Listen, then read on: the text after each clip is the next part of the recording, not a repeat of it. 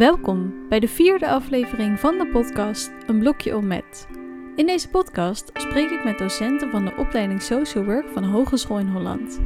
Veel van de docenten hebben, voordat ze aan de slag zijn gegaan als docent, zelf gewerkt als sociaal werker. En daarover ga ik met ze in gesprek in deze podcast. Hoe is het om sociaal werker te zijn? Welke kwaliteiten heb je daarvoor nodig? En hoe ziet een werkdag eruit? Mijn naam is Wenske de Beijer en vandaag ga ik een blokje om met Rogier. Nou, Rogier, uh, leuk om jou vandaag de gast te hebben in deze podcast. Je werkt als docent bij de opleiding Social Work, zowel bij onze voltijdopleiding als bij onze deeltijdopleiding. En zoals je weet is de podcast een blokje om, bedoeld om te luisteren tijdens een wandeling. Of tijdens een andere sportieve activiteit. Want in de vorige aflevering vertelde Paula dat ze graag gaat skaten. Ah. En nou was ik benieuwd, ben jij ook van het skaten, van het wandelen of heb je hele andere sportieve hobby's? Uh, ja, ik heb andere sportieve hobby's. Ik ben uh, niet van het wandelen en ook niet van het skaten. Nee? Mijn dochter is wel, mijn dochter is vijf inmiddels en die houdt wel heel erg van rolschaatsen. Ja. Um, en uh, dus dan ga ik regelmatig eventjes met haar mee, maar dan loop ik naast haar, dan, dan ben ik niet zelf aan het rolschaatsen. Nee, nee ik ben ja, eigenlijk fanatiek kitesurfer. Oh. Dus ik ga uh, zodra het kan, als er een beetje goede wind staat, dan uh, stap ik in mijn auto en dan trek ik mijn wetsuit aan en dan ga ik naar, uh, meestal in Berg aan Zee, kitesurfen. Ja. Oh, wat tof. Ja. Dat is, en... dat is mijn hobby. Ja. En daarvoor, ik heb vroeger al gehockeyd, maar hm. eigenlijk is kitesurfen, daar ben ik daar op een gegeven moment een beetje in losgegaan. En ja, dat vind ik gewoon heel erg tof om te doen. Ja, wat vet. En woon je dus ook dicht bij het strand? Of? Nou, ik woon in Alkmaar.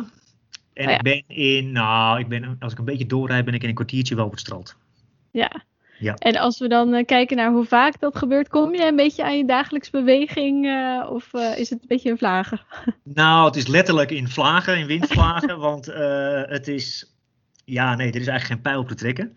Nee. Uh, wanneer het wel kan. Hè. Soms kan het drie dagen achter elkaar en soms kan het uh, twee weken niet. Ja. Uh, dus laten we zeggen, gemiddeld één keer per week. Als ik alles bij elkaar optel, dat ik, dat ik fanatiek aan het bewegen ben. Nou, cool. Dat is wel een leuke hobby die niet zoveel mensen hebben, denk ik. Nee, dat ehm, wordt wel steeds populairder. Dus er komen steeds meer, met name in de coronatijd merk je dat meer mensen oh, lessen hebben genomen. En daar ben ik niet altijd even blij mee, want het is ook wel lekker als het juist lekker rustig is op het ja, water. Dat je niet met die vliegers in mekaars uh, vaarwater zit. Dus, ja. uh, maar goed, ja, het is inderdaad hartstikke leuk. Ja, ja cool. Oké, nou tot zover deze introductie. Laten we naar het hoofdonderwerp gaan. Want we willen natuurlijk meer weten over jouw professionele carrière naast je kitesurf carrière. Laten we meteen bij het begin beginnen. Uh, je hebt zelf ook op in Holland gezeten, zag ik. Ja, dat klopt. Ik heb denk ik ongeveer een jaar of 18 terug mhm. heb ik de deeltijdopleiding, uh, dat heette toen nog maatschappelijk werk en uh, sociaal-pedagogische hulpverlening. Ik heb toen sociaal-pedagogische hulpverlening gedaan. Ja, SPH, ja, die, die afkorting heb al vaker gezien. Ja, ja in, in deeltijd ook. Ja. En toen zag het er wel heel anders uit, want toen had je gewoon een vast programma en mhm. ging je één dag in de week naar school. En, maar het, het grappige is ook wel dat er nog een aantal docenten hier in de wandelgangen rondlopen die ik zelf ook heb gehad. Oh ja. Uh, zoals Albertien en um, Jan Rommers en Riad en uh, Frans Ursem zag ik nog, Ron Roosendaal. Dus dat is wel grappig, ja. Ja, en je hebt dus um, ehm, SPH gedaan, dus eigenlijk een beetje de oude naam zeg maar, voor social work. En waarom heb je destijds gekozen voor die opleiding? Um, nou, ik nou, het is wel, op zich is dat wel een grappig verhaal misschien. Of, uh, nou, mijn vader zat altijd in het vastgoed. En uh, mm -hmm. ik heb altijd gedacht, ik ga iets met de economie doen en ik ga uh, snel geld verdienen. En dat was toen ik jong was een beetje mijn doel. En eigenlijk vond ik altijd wel die psychologie en die, dat social work altijd wel heel interessant. Maar ik heb op een gegeven moment, ja, ik wilde gewoon geld verdienen. En toen op een gegeven moment ja. had ik nou goed, dan loop je ook een beetje persoonlijk tegen een aantal dingen aan. In je ontwikkeling, in je puberteit en jongvolwassenheid. En toen uh, ja, gingen toch andere thema's een rol spelen. En toen dacht ik van, nou, ik ga gewoon wel doen wat ik eigenlijk echt graag wil doen. Hè. Dus dat is met, uh, met name met jongeren werken. En toen heb ik de uh, keuze gemaakt om naast een baan. Want ik was toen eigenlijk ben na mijn middelbare school ben ik een tijdje uh, vrachtwagenchauffeur geweest. En heb ik vater oh. bier door, uh, door Nederland heen gebracht in uh, alle kroegen zeg maar in de omgeving. En dat vond, heb ik een tijd leuk gevonden. Dat is misschien nog steeds wel een van de leukste banen die ik ooit heb gehad. Maar ja, je wilt dan toch wat meer en wat serieuzer en wat meer uitdaging. Ja. Dus toen heb ik eigenlijk gekozen om naast mijn baan bij die um, horeca groothandel ook de opleiding social work te gaan doen. Ja. Nou, wat grappig. Dus daar, ja. vandaar dus ook de keuze voor de deeltijdopleiding. Klopt, ja, want ik werkte toen al. En ik wilde gewoon, ja, weet je, ik had gewoon een huis en ik moest de, de huur betalen. Dus wat dat betreft was dat een mooie, mooie combi. Ja, ja oké. Ehm, en als we dan nog wat meer inzoomen op jouw studietijd, dan heb je daarin waarschijnlijk ook een aantal stages gelopen. Klopt. Kun je die nog uh, herinneren? Zeker. Ik heb, uh, ik heb stage gelopen en die kan ik me nog heel goed herinneren bij um, een justitiële jeugdinrichting, de Doggershoek. Mm -hmm. Daar heb ik een jaar gewerkt als groepsleider op een groep met, um, ja, dat waren jongeren met een pijmaatregel. Dat zijn zeg maar, dat is een combinatie van een, uh, vaak van een delict en een uh, psychiatrische uh, stoornis of problematiek. Zeg maar jeugd-TBS. En ja, dat heb ik een, een tijdje gedaan. Ja. En dat vond ik wel heel bijzonder. Ja, heel ja. bijzonder die, om contact te kunnen maken met die jongeren. En ook om te leren dat, ja, ook al hebben jongeren vreselijke dingen gedaan, dat het toch even goed hele aardige uh, gasten kunnen zijn, zeg maar. Hè? Dus dat, die, die, ja, ja. dat vond ik wel een mooie ervaring of zo. Ja. Ja. ja, en je zei dat je daar dus groepsleider was. En kan je dan nog iets meer vertellen over wat je taken en verantwoordelijkheden dan zijn? Ja, nou het was een stage, dus ik liep stage als groepsleider. Ja. En wat we eigenlijk deden is dat je, um, je had een groep van twaalf jongeren. En je zorgde eigenlijk voor de veiligheid, hè, veilig leefklimaat op de groep, voor zover het mogelijk was, überhaupt. Ja. Uh, maar dat was de taak. En je was dan ook mentor van de jongeren. En daarmee begeleidde je de jongeren ook met uh, nou, persoonlijke leerdoelen. En ook van uh, hoe gaat het er straks uitzien als je weer buiten de muren zit. Ja. dus een stukje werk, school, et cetera. Dus zo, dat is eigenlijk wat we deden. Ja. Ja, het lijkt me best wel een aparte baan en ook best wel misschien apart als je voor de eerste keer daar binnenkomt. Hoe keek je daarnaar of wat heb je ervan geleerd? Nou, wat ik daarvan heb geleerd is dat ik het heel erg leuk vind om, uh, om contact te maken met moeilijke, ongemotiveerde doelgroepen. Hè, om toch die uitdaging te zoeken van oké, okay, uh, uh, hoe krijg ik die jongeren toch zover dat die nou, iets aan wil gaan hè, of iets wil veranderen. En welke technieken pas je daartoe en hoe doe je dat? Dat vond ik uh, heel leerzaam. En ook wat ik net zei, hè, om dus te, om, ja, te ontdekken van oké, okay, uh, achter elke jongere zit een verhaal. En ook al zijn het ernstige delicten, hè, van moord of verkrachting, ja. et cetera, toch kun je wel een, uh, ja, hebben de jongeren ook andere kanten. Dat vond ik bijzonder. En wat ik lastig vond is het, dat het ook wel een stuk ja, veiligheid en beheersing was. Hè? Dus een soort van politieagentje spelen. Ja. Steeds je grenzen bewaken. En dat vond ik zeker als ja, als beginnend uh, stagiaire wel lastig. Ja, en daar heb ik, uh, nou ja, goed, dat heb ik mooi kunnen oefenen daar, om het zo maar te zeggen. Ja, maar bijzondere, bijzondere ervaring hoor, ook om die jongeren zo te zien, echt achter slot en grendel. Ja. ja, precies. Ja, want het is natuurlijk ja. wel echt in de gevangenis. Precies, precies, ja. ja. Het was echt een, echt een jeugdgevangenis, ja. Ja, en hoe lang blijven die jongeren daar ongeveer? nou, zo'n zo'n jeugd zo'n pijnmaatregel kan in totaal maximaal zes jaar duren. Want het kan steeds okay. verlengd worden. En ik dacht ja. dat het voor één of twee jaar wordt opgelegd door de rechter in eerste instantie. Ja. Dan steeds verlengd kan worden. Dus de jongeren zaten daar maximaal zes jaar. Ja. ja. Ja, dus dan krijg je ook op een gegeven moment wel echt natuurlijk een beetje de ontwikkeling van, van een persoon ook heel erg mee. Uh... Ja, ja, zeker, zeker. Ja.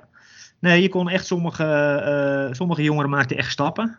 Ja. En de recidive was, was, ik weet niet hoe dat nu is, maar die was wel heel erg hoog. Hè? Dus jongeren kwamen, gingen toch, toch daarna ook wel weer vaak uh, de fout in. En er was destijds ook heel veel te doen op ja, wat voor manier, hè, welke insteek moeten we nou kiezen bij deze jongeren met allerlei vers verschillende soorten modellen. En toevallig was ik laatst bij een student van mij op bezoek in, um, in Sassenheim, ook in een uh, jeugdgevangenis. Oh. oh ja, Teilinger Eind was dat. En vond ik ook wel leuk om er weer eventjes te zijn. Om dat weer ja, te precies. zien hoe dat, hoe dat eraan toe gaat. Ja. Ja, oh, dat is wel grappig dat je dan weer nu vanuit een hele andere rol daar, uh, daar bent. Precies, ja. En heb je nog meer stages gelopen tijdens je opleiding? Uh, nee, ik ben toen nadat ik die stage heb gelopen bij de Doggershoek in Den Helder, ben ik gaan werken bij het bureau jeugdzorg in Haarlem. En daar kon ik ja? toen een baan krijgen. Ik denk ergens in het tweede jaar of in het derde jaar van de studie. En daar heb ik toen gewerkt uh, met jongeren ja? die uh, op middelbare school zaten. Wij zaten vanuit bureau jeugdzorg in die zorgteams. Hè. Zorgteams worden, nou dat kent iedereen denk ik wel, daar worden met verschillende disciplines jongeren besproken met wie het nou, niet zo lekker gaat op school. Of waar ja problemen thuis zijn of, uh, of, of, wat dan ook. En zo gingen wij, pikten wij zeg maar die jongeren van die scholen af, om het zo maar te zeggen. Wij zaten ook letterlijk op die scholen en gingen met hun in gesprek en met de ouders in gesprek om te kijken van, uh, nou ja, of we, de, of we de situatie konden verbeteren voor ze. En soms konden we dat zelf. En soms hadden ze wat meer gespecialiseerde hulp nodig, bijvoorbeeld van de geestelijke gezondheidszorg. En dan verwezen we daar naartoe. Dus dat heb ik een tijdje gedaan en daarna ben ik in de GGZ gaan werken. de, in de kinder- en jeugdpsychiatrie heb ik de studie orthopedagogiek gedaan. En ben ik meer eh, ja, onderzoeker en behandelaar geworden in de, in de, in de jeugd Ja. ja, yes. Nou, daar, die master orthopedagogie komen we zo ook even op terug. Okay. En ik was wel benieuwd, want je um, bent dus eigenlijk vrij snel tijdens de studie met jongeren aan de slag gegaan. En ja. was dat dus ook iets waar je al, uh, ja, wat je eigenlijk al wilde toen je met de studie begon? Of is dat ook tijdens de studie een beetje gegroeid? Nee, ik heb dat eigenlijk altijd wel gehad. Ik wilde ja. dat eigenlijk altijd. Ja, en, en, waarom nou eigenlijk precies vind ik, ja, dat, dat, dat, durf ik eigenlijk niet zo goed te zeggen, maar dat was een soort, ja, ik vond het gewoon heel erg leuk.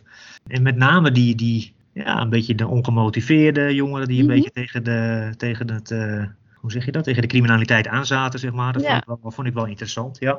Nou ja, misschien, ik geloof dat er altijd wel een soort relatie heeft met je eigen levensloop, hè, waarom je de doelgroep interessant vindt. Daar zal ik niet al te veel over uitweiden, maar uh, dat, uh, dat uh, ja, nee, dus dat zal, dat zal denk ik wel de onderliggende oorzaak zijn. Ja, precies. En, ja, dus zo'n beetje. Ja. En nou ja, die, die stage waar je net al over vertelde, dat lijkt me wel iets wat heel erg indruk maakt.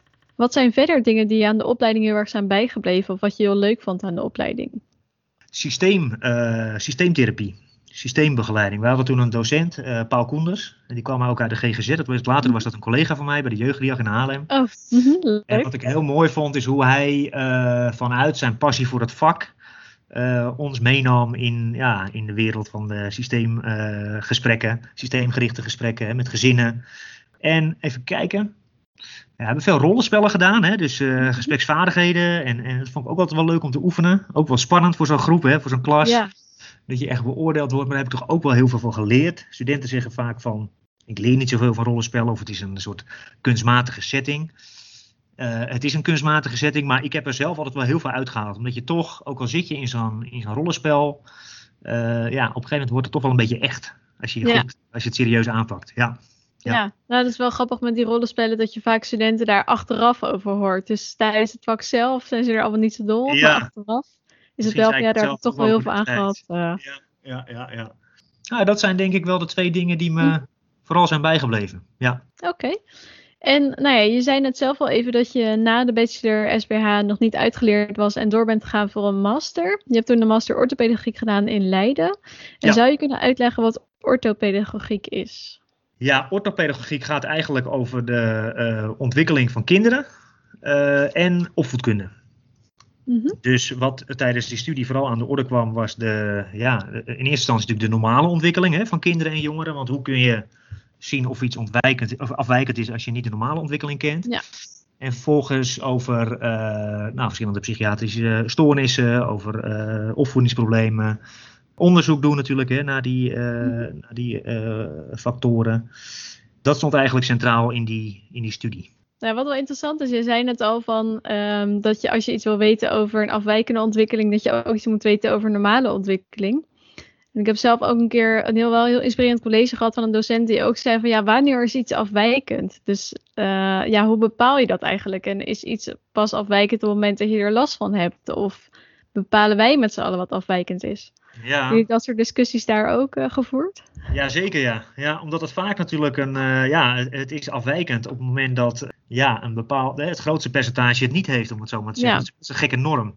Ja, En, precies. eh, daar is ook steeds wel discussie over, en met name ook over die, die, die, die kenmerken in de DSM. Hè, psychiatrisch eh, handboek, om het zo maar te zeggen. Is dat nou nog wel Ja. van deze tijd? Maar eh, ja, dus dat is wel een. eh, hè, ADHD is altijd veel discussie over. Van, eh, Ja. ja. bestaat het überhaupt wel? En, eh, en, en wat is dan de oorzaak daarvan? En, ehm, dus dat speelt wel, ja. ja. Ja, Ja. interessant. En kon je die master eigenlijk meteen doen? Of moest je dan eerst nog een tussenjaar of een schakeljaar eh, doen? Nee, ik heb toen na de SPH eerst een eh, schakeljaar gedaan. En Mhm. daar, dat schakeljaar ging vooral over statistiek. Oh ja, Dus dan moest je veel eh, ja, leren hoe je data verwerkt, hoe je onderzoek doet, hoe je al die gegevens eh, interpreteert. En toen daarna kon ik dan starten aan de master. Ja. Dus Oké, in nou- totaal heeft dat volgens mij eh, twee jaar geduurd. Oh ja. Ja, Nou, toen had je dus uiteindelijk die master, dus was je officieel orthopedagoog. En toen ben je ook aan de slag gegaan bij Kenter Jeugdhulp en bij de opvoedpolie als Klopt. orthopedagoog.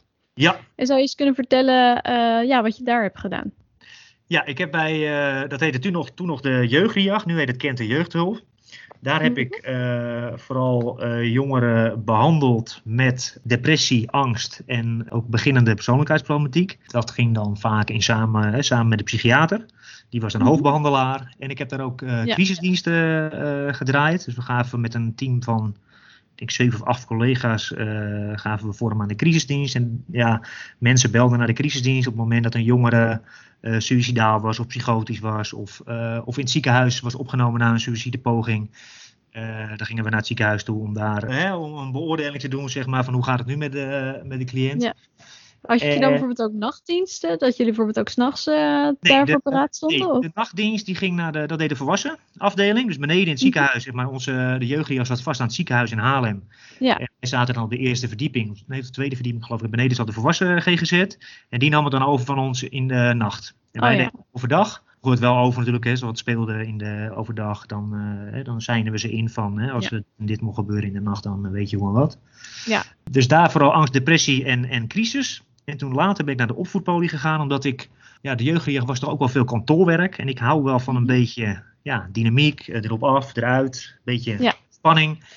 En bij de opvoedpolie was een aparte tak, zeg maar, dat heette de Care Express. En daar werkten we met jongeren tussen de, nou, wat was dat, tussen de 14 en de 23, denk ik, die ja, een beetje zorgmijdend waren. Hè, dus die eigenlijk niet zaten te wachten op hulpverlening, maar die wel hulp oh, ja. nodig hadden.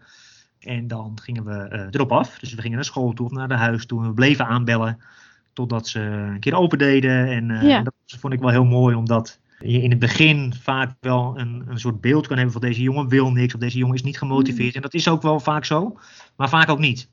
Ja. En door maar te blijven investeren in het contact en niet te snel op te geven en uh, inderdaad niet te snel te denken dat iemand ongemotiveerd is. Hè. Misschien ligt er iets, aan, uh, iets anders uh, onder ja, dat vond ik wel een mooi, mooi om te mee te maken en ook mooi om te doen. Ja. Nou, dat is denk ik wel mooi inderdaad wat je zegt, dat het soms over kan komen als iemand ongemotiveerd is, maar dat er misschien iets heel anders achter ligt waar je dan dus echt achter moet komen. Ja, exact. Ja. En vaak was het dat zijn... wel te maken dan met, uh, met zelfvertrouwen, hè, of de, ook gewoon niet weten hoe moet ik nou die eerste stap zetten, of dat de stapjes veel te groot waren. Hè, dus dat je ja. veel samen met die jongeren moest voorstructureren en moest, moest opbouwen. Ja, en kijk, soms lukt het ook niet. Het is zeker niet uh, ja succes verzekerd. Maar op zich vond ik het wel mooi dat we toen de ruimte kregen om echt te blijven gaan en te blijven investeren in dat contact. Ja, echt die relatie ja. onderhouden. Ja. En wat jij een beetje vertelt, Rogier, zijn best wel, uh, nou ja, voor mij klinkt het als best wel heftige thema's. Hè? Ook zeker zo'n crisisdienst bijvoorbeeld. Wat ik vaak wel van onze studenten hoor, is dat ze zeggen van ja, dat, dat lijkt me wel heel interessant. Maar ik zou ook heel bang zijn dat ik dat heel erg mee naar huis neem. Hoe was dat voor jou? Ik, ja, ja, je hebt wel eens uh, situaties. Hè, dat je, ik heb bijvoorbeeld wel eens een keer een situatie gehad waarbij een meisje van een. Zij was denk ik twaalf en ze had een zusje van een jaar of zes of zo. En die, dat, dat meisje was heel erg. Uh, ja, dat mishandelde eigenlijk steeds haar zusje. En op een gegeven moment was het ook dat ze haar bijna van de trap afduwde. En mm. uh, ja, daar maakte ik me toen wel heel veel zorgen om. En, en ja. Nou, goed, dan ga je ook in overleg met andere partijen van wat te doen. Dus dat is me wel eens bijgebleven. Um, en ik heb ook wel eens momenten gehad hoor, dat je naar huis gaat dat je denkt van ja, Hè, dat je afspraken maakt over. Uh, uh, nou, uh, nou goed, nou, ja, dus soms blijft wel eens iets aan je hangen. Ja. Maar op zich had ik daar niet heel veel last van. Meestal had ik mhm. dat niet zo dat ik dat mee naar huis nam.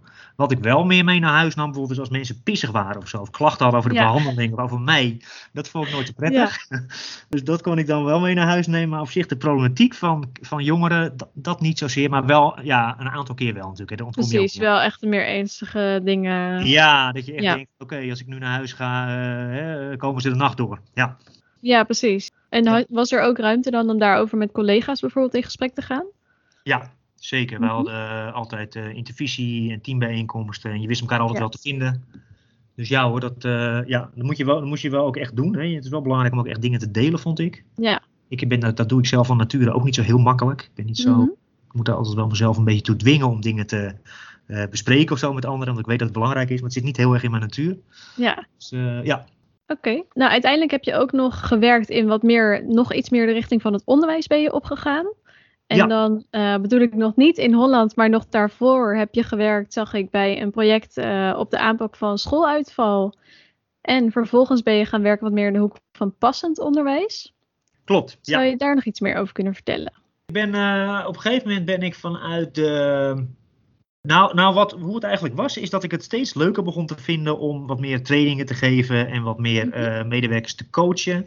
En ik had toen denk ik een jaar of, nou zal het zijn, 10, 15 uh, gewerkt met uh, jongeren met problemen, hè, met gezinnen met Ja. problemen. En ik merkte aan mezelf dat ik de, de uitdaging een beetje miste. Niet zozeer dat het, er is altijd een uitdaging in de hulpverlening. Dus je kan dat natuurlijk, dat blijft zeg maar 100 jaar lang ingewikkeld en uitdagend om te doen. Mhm. Maar ik merkte op een gegeven moment dat ik bij een gezin kwam en, dat ik merkte van, nou ja, er gaat... eh, eh, ja, de, de spirit gaat er een beetje af bij mezelf of zo, weet je wel. Beetje En toen ben ik- automatische piloot. eh, Ja, dat ja. ja. ja. En, en toen eh, heb ik gedacht, welke kant wil ik nou op? Toen ben ik een tijdje teamleider geweest op een MBO-college in, in Zaandam. mhm. En dat was een team van, die vooral met passend onderwijs bezig was. Dus het was een team van psychologen, orthopedagogen, docenten, maatschappelijk werkers. En dat heb ik een jaar of vier gedaan. En wat moet ik me dan voorstellen bij passend onderwijs op een MBO?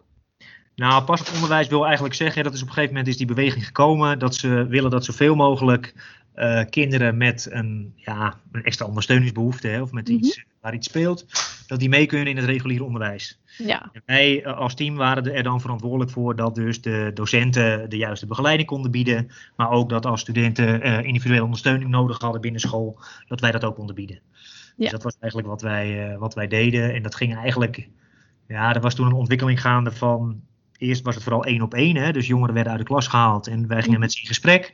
Ja. En later hebben we dat meer proberen te integreren in het onderwijs zelf, hè, dat wij bijvoorbeeld ook aanwezig waren in de klas en dat we keken van, eh, ja, hoe kunnen we nou het beste met deze jongeren in de klas ook omgaan.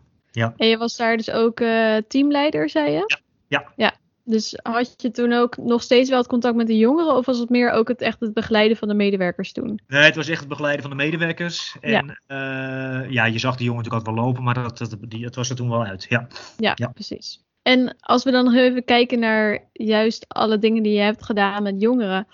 eh, wat vind jij belangrijke eigenschappen voor iemand die met jongeren werkt? En misschien ook wel specifiek met deze doelgroep van jongeren waar jij mee hebt gewerkt. Nou, in ieder geval dat je niet opgeeft. Mhm. Dat je niet te snel opgeeft. Dat je, wat, wat ik net een beetje zei, hè, dus dat je eh, niet te snel denkt dat iemand ongemotiveerd is. En dus dat gaat eigenlijk volgens mij heel erg over je eigen kaders ook. Hè? Van oké, als ik dit gedrag zie, dan betekent dat dat iemand ongemotiveerd is. Eh, en ja, mijn ervaring is toch wel dat het heel vaak dat ik dat zelf ook in het begin dacht. En dat het toch niet zo Beetje was. vooroordelen. Ja, ja, Ja. ja. vooroordelen en, en, en, en blijven gaan. Dus blijven aanbellen, blijven eh, het contact Mhm. blijven zoeken. Daarin ook creatief zijn van oké, dit werkt niet, hoe, eh, hoe ga ik het dan aanpakken? Ja, Eh, ja, nieuwsgierig blijven denk ik. Hè? Niet denken van ik weet het allemaal wel of zo, maar hoe zit het nou echt eh, Ja. eigenlijk? Ja, die twee dingen eigenlijk vooral. Ja, dus niet Mhm. opgeven, nieuwsgierig blijven. Dat zijn voor mij wel belangrijke zaken geweest in dat contact met die, met die met name met die, met die, met die, met die puber, jonge, jongvolwassenen leeftijd. Ja. ja. En je hebt al een heleboel dingen verteld wat je zo leuk vindt aan het werken met jongeren. jongeren. Waren er ook dingen die je eh, lastig daaraan vond? Ouders. Ja? Ja, ik vond meestal vond ik, eh, kijk, eh, er kwamen altijd jongeren binnen met probleemgedrag. Hè, dus die werden, werden zeg maar geïdentificeerd natuurlijk als de patiënt. Precies. Terwijl ja. ik meestal persoonlijk met die jongeren helemaal geen problemen had. Maar Aha. vaak wel met, met de ouders, in de zin dat ik dat vaak wel lastig vond. ook Ah, ja. omdat al het, ja, alles werd zeg maar geprojecteerd op die jongeren, terwijl natuurlijk daaromheen ook heel veel speelde. Eh, dus dat vond ik soms wel moeilijk om daarmee om te gaan. En, Ja, die ouders die krijg je er wel gratis bij. eh ja, die krijg je er als gratis je naar bij. de systemen gaat kijken. Ja, exact. En dat, is ook, dat kan ook heel interessant zijn, maar dat is ook wel vaak, een, vond ik altijd wel vaak een ingewikkelde dynamiek. Ja. Soms ging dat goed en soms ging dat heel moeizaam. En wat ik ook wel lastig vond, is de stroperigheid, zeg maar, van Mhm. de wachttijden. En de, Ja. Hè, als, je, als je bijvoorbeeld echt ernstige problemen had hè, met, met eetstoornissen en, en eh, ja, dat, dat, dat, ja dat, dat, dat jongens of meiden, met name meiden, echt niet langer konden wachten. eh, en je geen vervolgplek kon vinden. Dat vond ik wel Ja. lastig. En dat je echt dacht van oké, deze eh, ja, moet eigenlijk echt een opname krijgen. Ja, dus dat, dat, dat vond ik wel moeilijk om mee om te gaan. Ja, dat kan ik me wel goed voorstellen. Vooral omdat je er zelf dan ook niet zo heel veel aan kan doen. Dat je er dat het het nog frustrerender maakt. Precies, ja. Ja. Oké, dankjewel. Ehm nou, je werkt nu werk je als eh, docent bij In Holland. Kom ik zo ook eventjes op terug. Maar je hebt daarnaast ook nog een eigen bedrijf. eh 1001 dagen. Klopt. Nou, gok ik dat dat verwijst naar het begrip eh, waarbij we zeggen eigenlijk dat de eerste 1001 dagen van je leven hele grote invloed hebben op de rest van je leven. Klopt, Klopt. dat? Klopt, ja, nee, dat klopt helemaal. Ik ben een aantal jaar geleden, ben, kijk, mijn, mijn ervaring in die, in die kinder- en jeugdpsychiatrie is toch wel dat eh, je op oudere leeftijd, hè, in de puberteit of jongvolwassenen, of welke leeftijd dan ook, kun je best heel veel doen. Mhm. Maar vaak zie je ook dat in die eerste eh, eh, levensfase, hè, dus van de zwangerschap Ja. tot tweejarige leeftijd, hè, daar gebeurt toch eigenlijk wel het meest qua ontwikkeling. In geen enkele andere, andere periode in het leven ontwikkel je zoveel, zo snel. Ja. En dat is gewoon wel, eh, heel veel psychiatrische stoornissen hebben ook een link met die, eh, met die hele vroege ontwikkeling. In het brein of in de, in de Mhm. hechting. Of. Eh, dus toen dacht ik van ja, daar wil ik iets mee, maar wat? Dat, Ja. de- op een gegeven moment kwam toen in, in 2015, als ik het goed heb, kwam er zo'n manifest uit Engeland overwaaien hè, van 1001 Critical Days. Ja. Dat ging hierover. Tessa Rozenboom, die is hoogleraar op de, de UvA, op de VU, die heeft daar toen een boek over geschreven, de eerste duizend dagen. Mhm. En dat sprak mij wel heel erg aan, omdat ik wel dacht van ja, als je het echt over preventie hebt, hè, vroegtijdig interveneren, dan moet je in die leeftijdsfase moet je iets doen. Al Ja. voor de zwangerschap eigenlijk. Dus toen heb ik, eh, ben ik trainingen gaan ontwikkelen over hechting, over eh, die eerste duizend en één dagen, over communicatie. En ben ik trainingen gaan verzorgen voor kinderopvangorganisaties, voor kraamzorgbureaus. En ehm, wat maakt dat je uiteindelijk hebt gekozen om de overstap te maken naar eh, het HBO-onderwijs? Het geven van die trainingen wel heel erg leuk. Hè? Toen ik voor mezelf Ja. ging beginnen, ook wel binnen het onderwijs en binnen de hulpverlening en het coachen. Ik nou, ik ga Ja. toch eens een poging wagen. Ik ga gewoon eens bellen met mijn, ik heb voor mij Maria aan de telefoon gehad, dus nu mijn teamleider. Mhm. Van, eh, nou, zou dat dan voor mij zijn? En hoe gaat dat allemaal? En toen werd ik eigenlijk Ja. heel enthousiast. En toen moest ik een video opnemen, met, waarin ik een les Ja. gaf. En Als ik was net allemaal aan het sollicitatie, experimenteren ja. met video. En, en, en, dus ja, en, en toen kwamen we in gesprek en dat klikte volgens mij goed. Zo ben ik er eigenlijk ingerold. En nu vind ik het heel erg leuk. Ja. Ja, En, en, en eh, wat vind je er zo leuk aan nu dan? nou, ik vind contact met de studenten heel erg leuk. Mhm. En eh, eh, ook wel hè, met de voltijd dat ze een beetje, ja, het is een beetje een soort, ja, ze zijn niet jong meer echt of zo, maar ze zijn ook nog niet echt volwassen. Nee. Ja, de- die, die, dat, ja, en ik zie best wel dat ze dan in zo'n jaar ook grote stappen maken, hè, met Mhm. op het gebied van zelfreflectie, zelfinzicht, et cetera. Dat vind ik mooi om te zien. Ik vind het geven van trainingen, met name vaardigheidstraining, hè, waar echt iets gebeurt tijdens de Ja. eh, les of tijdens de training. En, en, en dat vind ik heel erg leuk om te doen. Met name omdat, je, ja, omdat ik ook wel merk dat, je, dat, ik, ja, dat ik, dat ik ervaar dat studenten daar ook echt wel iets aan hebben. En dat ik Mhm. vond het allemaal heel erg spannend. Oh god, hebben ze wel iets aan mij? En, en, en leren ze wel iets van mij? En gelukkig krijg ik dat nu wel terug. Ja. Ik heb wel twijfels over dat je toch je eigen ervaring wel goed kan inzetten. Eh, dus dat vind ik heel erg leuk. En ik vind het heel leuk dat er, dat er behoorlijk wat ruimte is ook om je eigen pad te kiezen. Van wat vind je nou leuk om te doen? Welke kant wil je op? Ja. Eh, welke ondersteunende opleiding is daarbij mogelijk? Dus eh, ja, ik zit hier eigenlijk wel lekker. Ja, nou, dat, eh, dat klinkt eigenlijk heel erg goed. Ja, ja, ja. Nou, dan zijn we al ehm, bijna aan het einde gekomen van de podcast. Maar we gaan nog eh, naar ons eh, vaste blokje. En die bestaat uit twee vragen. Oh. En de eerste vraag is altijd een beetje ingewikkeld. Want die gaat over een advies dat je aan je jongere zelf zou willen geven. En wat ik aan je wil vragen is: stel dat je nu weer terugdenkt aan toen je bijvoorbeeld begon in de jeugdgevangenis. Eh, met alle kennis die je nu hebt, dus die je hebt opgedaan over sociaal werk en over hulpverlening. Wat voor advies zou je dan aan jezelf willen geven? Dus wat weet je nu misschien wat je toen nog niet wist toen je daar begon? Accepteer wat meer hoe je bent, zeg maar. Met al je, eh, je krachten, maar ook met al je valkuilen. En dat is allemaal oké of zo. Ja? Kun je Ja, dat nog iets toelichten? Nou ja, dat, dat, dat, ik had zelf wel de neiging om mezelf een beetje te overschreeuwen. Misschien en mezelf wat steviger neer te zetten dan ik eigenlijk was. Daar kan ik misschien nog steeds wel een handje van hebben. Eh, en ik denk dat ik, ja, dat het mij wel wat spanning en stress had gesche- eh, gescheeld. Zowel in contact met collega's als in contact met cliënten. Eh, om dat gewoon allemaal toe te laten. En dat het oké is. Dat je ook de mist ingaat soms. Of dat je angstig bent. Of dat je onzeker bent. Of wat dan ook. Ja. Eh, ja, en, en dat je dat deelt met collega's en, en soms ook met cliënten kan je dat ook prima soms zeggen, met, hè, een beetje gedoseerd. Ja, dus dat denk ik wel. ja, Dat mooi. had Dus mij dat- denk ik wel geholpen. Ja, Ja, dat het ook eigenlijk helemaal niet zo erg is. En aldoende ga je ook, leer je ook weer meer en ga je ook weer verder. eh. ja, ja, Ja. precies. Ja. Oké, ja, mooi. Ehm, nou, en dan de tweede vraag. Die is eh, een beetje in het, de geest van het boek Die Ene Patiënt. En daarin vertellen artsen over een patiënt die hun kijk op het vak heeft veranderd. En ik was benieuwd, heb jij ook een cliënt die heel erg is bijgebleven of Ja. die jouw kijk op het vak wel heeft veranderd? Ehm, ja. ik, nou, meteen als je dit zegt, dan denk ik aan één cliënt, een oma en een, en een jongen, die samen mhm. in een huis wonen en wat ja, oma was gewoon, die was helemaal wars van hulpverlening, moest helemaal niks van mij hebben en die jongen overigens ook niet. Ehm, en het liep elke keer helemaal uit de hand daar thuis. En dan sliep hij weer buiten. En dan op een gegeven moment ging hij wonen op. En had hij een bootje gekraakt ergens in. Ik zal niet zeggen waar, uh, waar dat was. Sliep hij in die boot. En uiteindelijk hebben we voor die jongen een, een, een, een begeleid wonen uh, voorziening kunnen organiseren. En ik weet niet hoe het nu met hem is hoor. Dus het zou, maar, maar ja, dat was wel gewoon een heel fijn resultaat. En het lukte om toch bij die oma ook het vertrouwen te winnen. Um, en dat vond ik wel, ja, dat is me altijd wel bijgebleven. Um, of het nou ook mijn visie op de hulpverlening of op mijn werk heeft veranderd, dat, dat weet ik niet. Maar ik vond dat wel, ja, dat is het eerste waar ik aan denk eigenlijk. Ja. ja. En is het dan meer dat het je is bijgebleven omdat zij uiteindelijk wel die hulp toelieten? Ja, ja dat vind ik dan toch wel een soort. Uh, ja, gewoon, dat is, is, gewoon een fijn resultaat geweest. Kijk, je, is best wel, je, je boekt lang niet altijd resultaten. En het gaat mhm. ook best wel vaak natuurlijk, ja, lukt het gewoon niet. Ja. En ja, dit was gewoon een mooi verhaal, vond ik. Ja, ja, en, En, en, en, dat is gewoon goed gegaan. En ja, daar kijk ik, daar kijk ik eh, heel fijn op terug. Ja. En ik zie, nog, ik zie hun nog zo uh, ook uh, zeg, op die bank zitten met die twee hondjes. En, uh, ja, oh ja, ja, mooi. Leuk.